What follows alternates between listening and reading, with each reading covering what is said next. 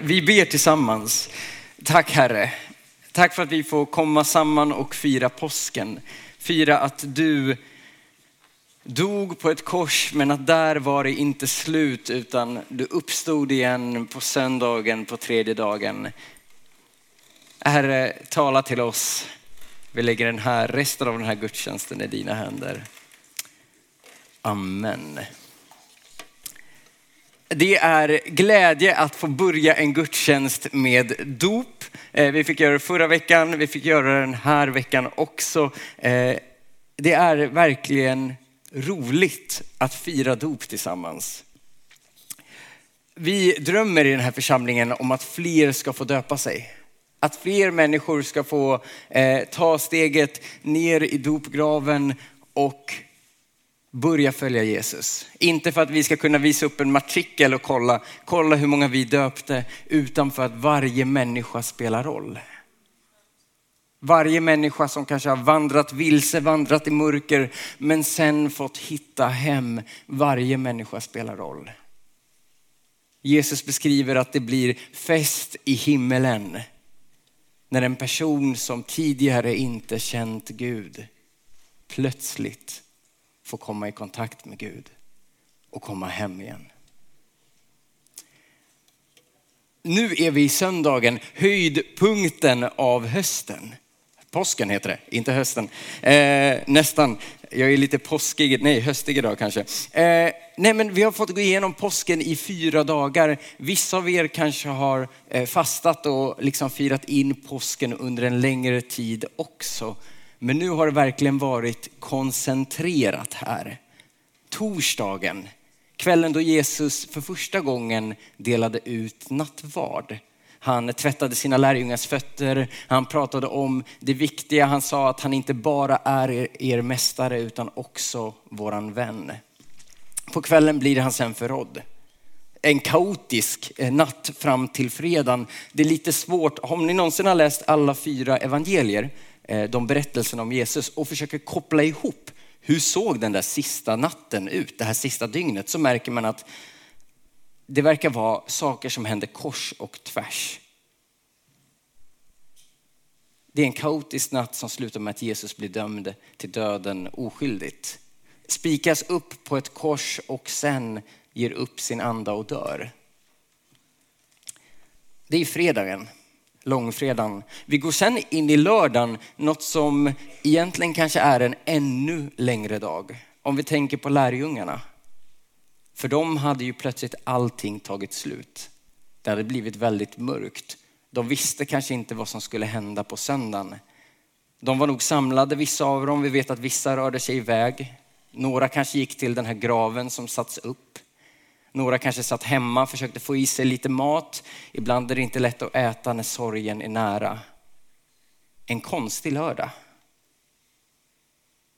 Men så kommer vi till söndagen uppståndelsedagen. Då plötsligt några lärjungar, vi kommer läsa om det sen, tar sig till graven och förstår, vänta, Jesus är inte här.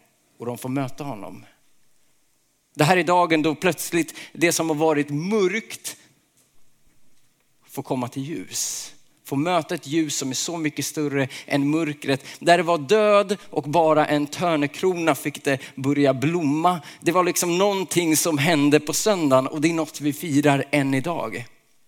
Vi har gudstjänst på söndagar. Förut brukade man gå till synagogan på lördagar, men vi har gudstjänst på söndagar för att vi firar varje vecka. Att även den här veckan får vi komma inför en Gud som sträckte sig ner till människan och inte kom med ett svärd utan kom som en tjänare och fick möta varje människa. Och det är värt att fira. Dop. Vi talade lite kort om dop förut. Dopet är ju, vi säger ju dopgrav. Ytterligare en sak som kanske är lite sorglig tänker man. Kors, död, dopgrav. Är det bara död? Nej. Det hade ju varit död om dopet slutade i mitten. Eh, nu såg jag några oroliga blickar. Det kommer det inte göra. Nej, man döper sig, man blir begravd. Men sen reser sig upp igen till ett nytt liv. I Johannes 3.16 står det så här. Så älskade Gud världen att han utgav sin enfödde son för att var och en som tror på honom inte ska gå förlorad utan ha evigt liv. Det här beskriver att varje person som tror på Jesus har evigt liv. Det är inget som startar när man dör, utan någonting man kan få stiga in i redan idag, redan nu. På något sätt blir dopet också en väldigt tydlig praktisk markering av att jag har haft ett liv innan men jag stiger in i någonting nytt. Det är inget liv där man kommer vara en perfekt människa eller där allt kommer vara lätt. Men det är ett liv i gemenskap med Gud som jag tror är värt att leva. Vi, eh, vi kommer gå igenom två bibeltexter idag som är väldigt lika varandra och extremt olika. Eh, vi kommer möta några personer som eh, jag, själv kan relatera mycket till, så det blir lite spännande. Jag hoppas ni också kan göra det. Maria av Magdala är en kvinna som hade följt Jesus länge. Man kan läsa om henne i lite olika delar av Bibeln, men hon hade följt honom länge och det är söndag. Jesus har varit död sedan i fredags. Det beskrivs att hon kommer till graven. Jag vet inte om hon hade hållit inne tårarna innan hon kom dit eller om hon hade gråtit hela vägen. Men så här kan vi läsa i Johannes. Men Maria stod utanför graven och grät. När hon eh, gråtande lutade sig in i graven fick hon se två änglar i vita kläder stå där Jesu kropp hade legat. Den ena vid huvudändan och den andra vid fotändan. Men Maria stod utanför graven och grät. När hon gråtade, gråtande lutade sig in i graven frågade de henne, kvinna, varför gråter du? Hon svarade, det har tagit min herre och jag vet inte vart jag har lagt honom. När hon hade sagt detta vände sig hon sig om och såg Jesus stå där. Men hon förstod inte att det var han. Här har vi alltså en, en gråtande Maria som har följt sin, sin mästare Jesus länge. En man som bröt många barriärer mellan Eh, ekonomiska barriärer, eh, etniska barriärer, eh, barriärer mellan kvinnor och män. Han hade liksom visat att nej, men det finns en jämnställdhet i kyrkan. Inför Gud är vi alla lika. De hade förmodligen gråtit tillsammans, skrattat tillsammans, hon hade många minnen tillsammans. Men han var död. Hon gick till graven för att sörja, kom dit gråtandes och sen märker att det är något som är fel. Hon lutar sig in och ser, där är Jesus. Eller där är inte Jesus, men två änglar. De frågar varför hon gråter, hon berättar och plötsligt så hör hon att någon är bakom henne. Det är här jag tänker mig att egentligen, om det här hade varit en Hollywoodfilm, så blir den här dramatiska vändningen där hon vänder sig om, ser Jesus, Jesus är tillbaka och hon förstår, han är uppstånden. Men hon ser Jesus, men förstår inte att det är hon. Det här är en fråga jag själv tänker mig några gånger. Hur många gånger ser jag Jesus men inte förstår att det är han? Gud gör någonting i mitt liv men jag ser inte att det är Gud. Det är en, en spännande tanke, kanske lite läskig, fram tills man läser vidare. Så här står det vidare i texten. Så hon har vänt sig om till Jesus och Jesus frågade henne, kvinna, varför gråter du? Vem söker du? Hon trodde det var trädgårdsmästaren och sade till honom, Herre om det är du som har burit bort honom så säg var du har lagt honom så jag kan hämta honom. Jesus sade till henne, Maria. Då vände hon sig om och sade till honom på hebreiska, Rabbaoni, det betyder lärare. Jesus sade till henne, rör mig inte, för jag har inte stigit upp till Fadern än. Men gå till mina bröder och säg till dem att jag stiger upp till min far och er far, till min Gud och er Gud. Maria Magdala, eh, Magdalena gick då och berättade för lärjungarna att hon hade sett Herren och att, hon hade, eh, och att han hade sagt detta till henne. Tänker, där ser ni, hon ser Jesus och tänker, där har vi trädgårdsmästaren. Jag vet inte om ni, har någon en trädgård? Nej, vi kanske inte ska eh, räcka upp en hand om man har trädgårdsmästare av där, Jonah, han kanske är trädgårdsmästaren. Eh, men jag vet i alla fall att jag är en fastighetsskötare som eh, höll på att hjälpa mig med blippen här om veckan. Eh, mig lite så här, är det så? Hon tänkte, aha, det är han som jag kanske har sett här. Eller liksom, och hon frågade, men vad har du gjort med kroppen? Och här tänker vi att eh, Jesus kanske skulle stiga in och bara, nej men ser du inte att det är jag? Eh, det är jag Jesus, kolla mina händer, kolla mina fötter. Det gör han senare med någon annan. Men det han gör är något han troligen har gjort hundratals gånger. De har känt varandra länge. Han säger Maria. Ibland är det svårt att läsa in vilket tonfall det är i liksom vissa bibelröster. Jag tror inte det är en sån här Maria. Eller Maria, alltså det är ingen sån. Jag läser så mycket empati, så mycket kärlek. Han ser en gråtande kvinna där förkrossad. Fråga liksom, men vem söker du? Varför gråter du? Inte för att göra narr av henne på något sätt. Men sen så möter han henne och säger Maria. Och det är något som slår an. Det är lite som att det ekar tillbaka till alla gånger de har pratat med varandra. Och det står att hon förstår vem han är. Säger ordet lärare på hebreiska till honom och hennes dag har förändrats. Hon visste inte att Jesus var så nära, men det var han. Hon sa också, gå och berätta det här för de andra lärjungarna. Det känns eh, eh som en svår uppgift personligen. Tänk att vara den som har träffat Jesus när han har uppstått och sen ska gå till alla andra och säga, ni vet han som dog, han lever. Och speciellt på den här tiden när kvinnors röst inte ens räknades som en röst. Du kunde inte stå i en rättegång och liksom berätta, ja men det här har jag upplevt.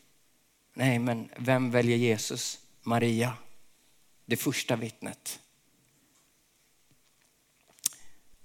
Lärjungarna trodde henne inte. Det var liksom någon slags eh, vridenhet. De, eh, vissa till och med lämnade Jerusalem och gick vidare. De gick till Betesda, nej inte Betesda, till Emaus heter det, en by som ligger typ en mil därifrån. Och eh, eh, det var två av lärjungarna som vandrade den vägen. Och vi ska läsa om deras syn på det här och hur det var för dem. Vad som händer är, innan vi går in i det bibelordet, är att de vandrar tillsammans själva och plötsligt så går en man bredvid dem.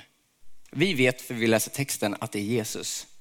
Och han börjar samtala med dem, men de helt förstår inte läget.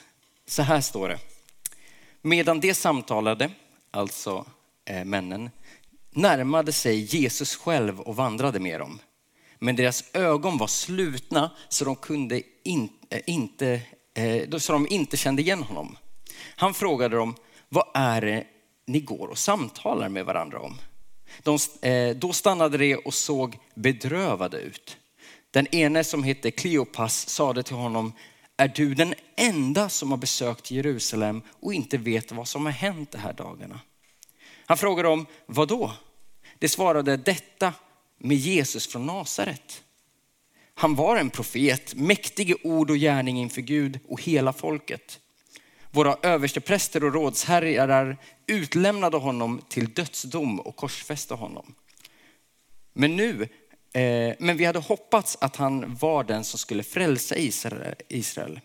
Förutom allt detta eh, nu så har på den tredje dagen, nej, förutom allt detta är det nu den tredje dagen sedan det hände och dessutom har några kvinnor bland oss gjort oss uppskakade. De gick till graven tidigt på morgonen, men fann inte hans kropp. De kom och berättade att de hade sett en syn med änglar som sade att han levde. Då gick några av våra till graven och de fann att eh, det var som kvinnorna hade sagt. Men honom själv såg de inte. Då sade han till dem, så alltså Jesus sade, så tröga ni är i tanke och hjärta till att tro på allt som profeterna har sagt. Måste inte Messias lida i det här för att sedan gå in i sin härlighet? Och han började med Mose och alla profeterna och förklarade för dem vad som stod om honom i alla skrifter. En lång, lång bibel, bibelpassage, Emusvandrarna. Vad som händer är att två lärjungar har alltså hört att folk säger att Jesus har uppstått. Deras direkta respons är vi går en mil bort till Emus. Lite som att vi skulle gå till Solna, typ. Och där så börjar de vandra tillsammans. Jesus kommer med och de börjar prata. Jesus låtsas som att han inte vet någonting och de känner inte igen honom.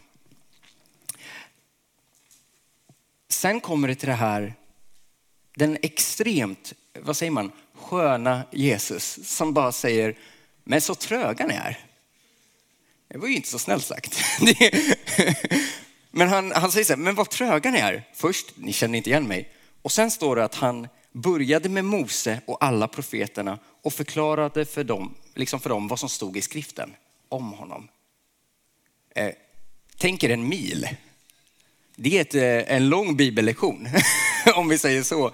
Eh, och så började han förklara och förklara och förklara. De kommer till slut fram till den här staden, byn. Och de har inte förstått vem Jesus är. De har vandrat med honom länge, men av någon anledning den här dagen så är det svårt att se. Ytterligare en gång är det inte en Jesus som kommer och liksom trycker ner, utan han säger, ja men vi äter tillsammans. Och så tar han upp ett bröd och bryter det. Precis som han gjorde på skärtorsdagen med första nattvarden. Och då klickar det. Lärjungarna förstår. Det är Jesus. Och då är han plötsligt borta. När de sen pratar med varandra, först så säger de bara, men brann inte våra hjärtan när han talade?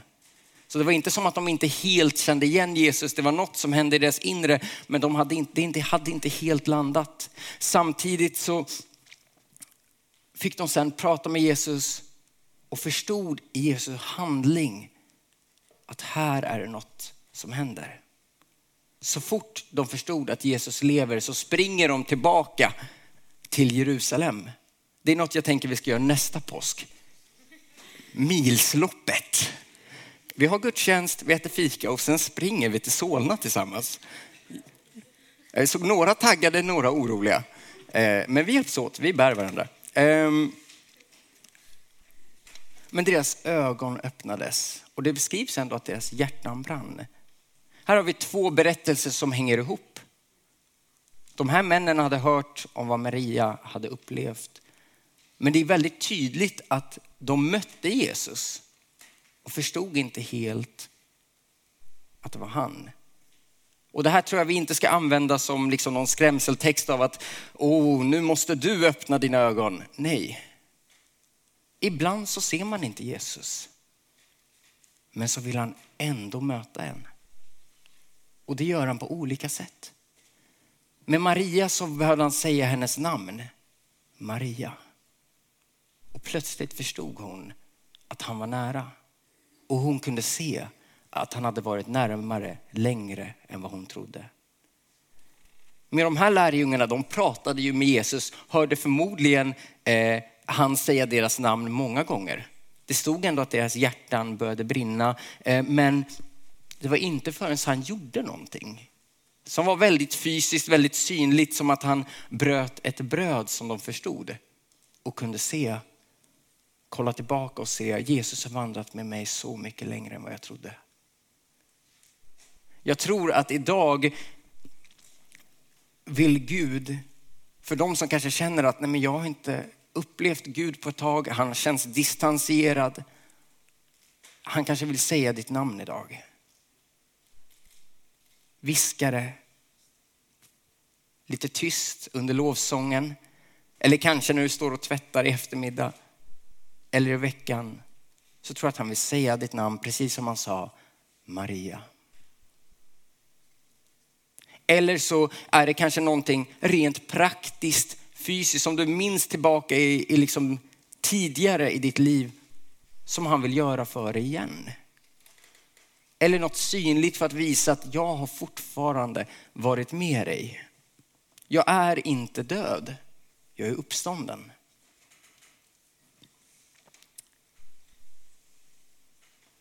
Det är påsk. Vi firar att Jesus dog på ett kors, men inte bara det utan uppstod också. Jag hörde om någon eh, lärare som hade sagt, ja men de kristna firar påsk för att Jesus dog. Nja. Det är som att göra ett dop som bara är halvt. Nej men vi firar ju uppståndelsen också.